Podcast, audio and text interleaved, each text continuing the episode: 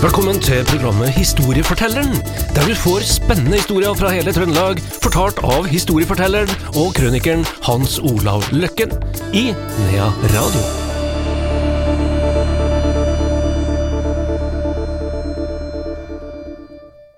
Historiefortelleren er tilbake her i Nea Radio. Det er også min eh, gode kollega her, Hans Olav Løkken. Velkommen, Hans Olav. Jo, takk. Vi har jo snakka litt om eh, ja, det som skjedde i andre halvdel av eh, på 1800-tallet. Det var veldig mye folk i Trøndelag, og mange Ja. dro faktisk ut. Eh, Mange dro, ja, jeg skulle si nesten frivillig. Andre gjorde det slett ikke Nei, absolutt, og det er det vi skal prate om nå, de som ikke dro frivillig. Da.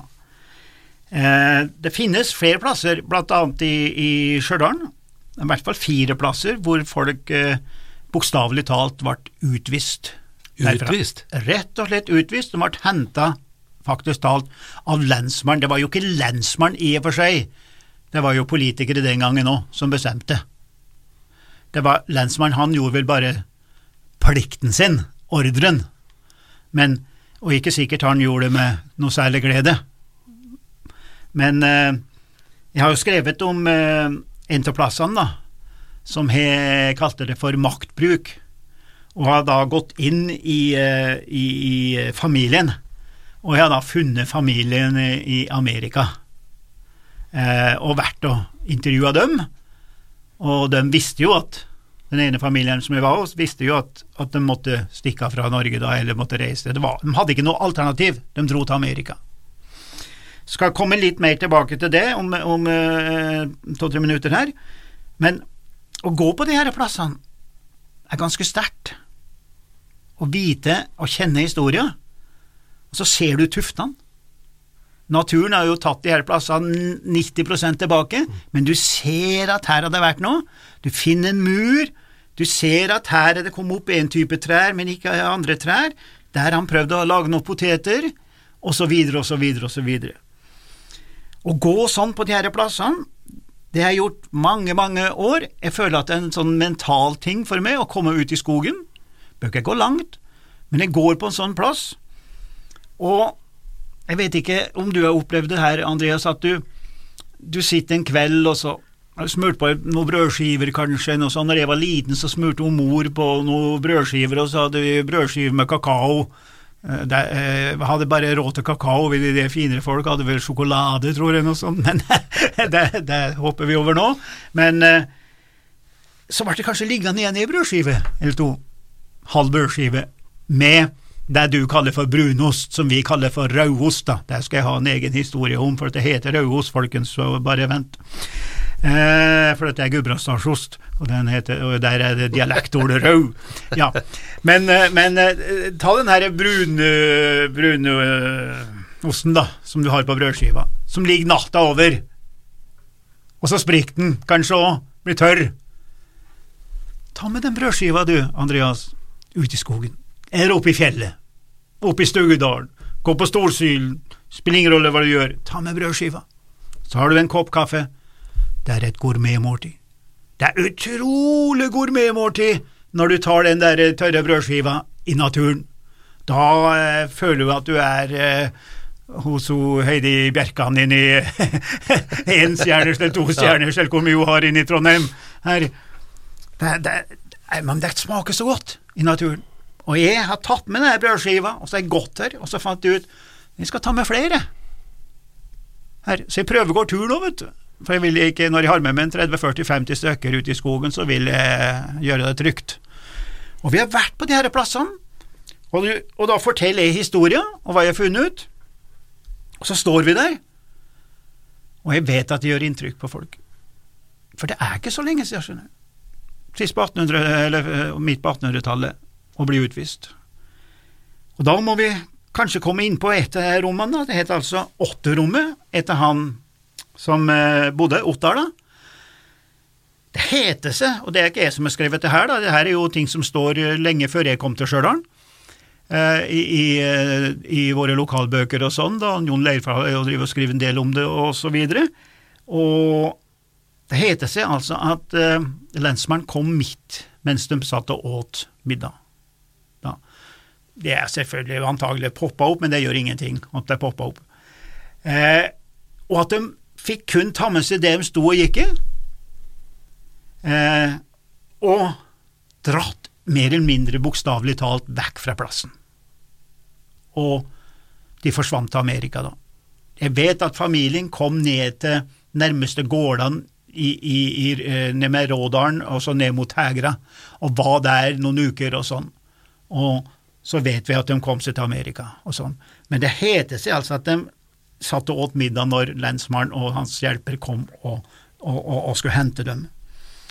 Og det samme er det fra en plass eh, på, eh, nedfor Strætesfjellet, altså som da er skiller Stjørdal fra Selbu, da, kan du si. Så på Stjørdalssida, der var det også to familier. Jeg driver med den eh, ene nå, da, funnet folket i Amerika sånn. Så er jo spørsmålet hvordan kan det bli utvist, liksom? Og Det der har vi jo diskutert opp og ned og att og fram i flere tiår eh, her, og vi har vel kommet fram til en sånn delvis forklaring på dette. For husk på det at det var en enorm folkeeksplosjon. Enormt kunne det vokse. Og det kom jo lover om hvem som hadde arverett, det kom om odelsretten, at det var bare den ene, ikke sant, og de andre måtte finnes en annen plass å være. Og de, de dro ut, de bygde seg små plasser overalt, og de virkelig sterke hardføre, de dro inn i skogen. Og de fikk lov til å dra inn i skogen og at eieren, som kanskje var deres egen familie, eller kanskje var det en annen familie som eide det òg, men bonden og, og, og familien sa greit, bare gå inn i den Nå snakker vi om ødemarka. Altså, det, er langt, langt, langt det Kanskje var med en gang i måneden bare nede i bygda og henta seg salt, eller noe sånt. Altså, det er så, det er så langt inn i, i, i, i skog, omtrent opp med grens, eh, tregrensen, for den saks skyld. Og der han klarte å dyrke seg bitte lite, så han hadde noen får med, med, med potet, eh, Bonden hadde sagt du kan få ta litt skog sånn og sånn, til egen bruk og sånn, og bonden var ordentlig, eh, fornuftig, snill, delte, var en perfekt og, og godt menneske, den bonden, og gir dem på en måte en tillatelse med et håndtrykk. En ny start. En ny start. Gi dem altså et håndtrykk, en avtale, men ikke noe mer, vet du. Men det var tillit der før i tida, vet du, et håndtrykk. Det kunne du stole på. Og så kommer neste generasjon, som overtar bruket på bondens sønn, som ikke han, Vanligvis er sønn sønn til faren, vanligvis, det er vel hos de fleste, men den kan jo være en helt annen mennesketype. Neste generasjon, sjøl om han er sønn til det gode mennesket så er han kanskje ikke den samme gode person. Kanskje har han helt andre ideer, kanskje er han litt mer kynisk, kanskje ser andre muligheter med hele greia og skogen og alt sammen, tenker på en helt annen måte, så han tar et annet standpunkt. Det finnes ikke noe kontrakt.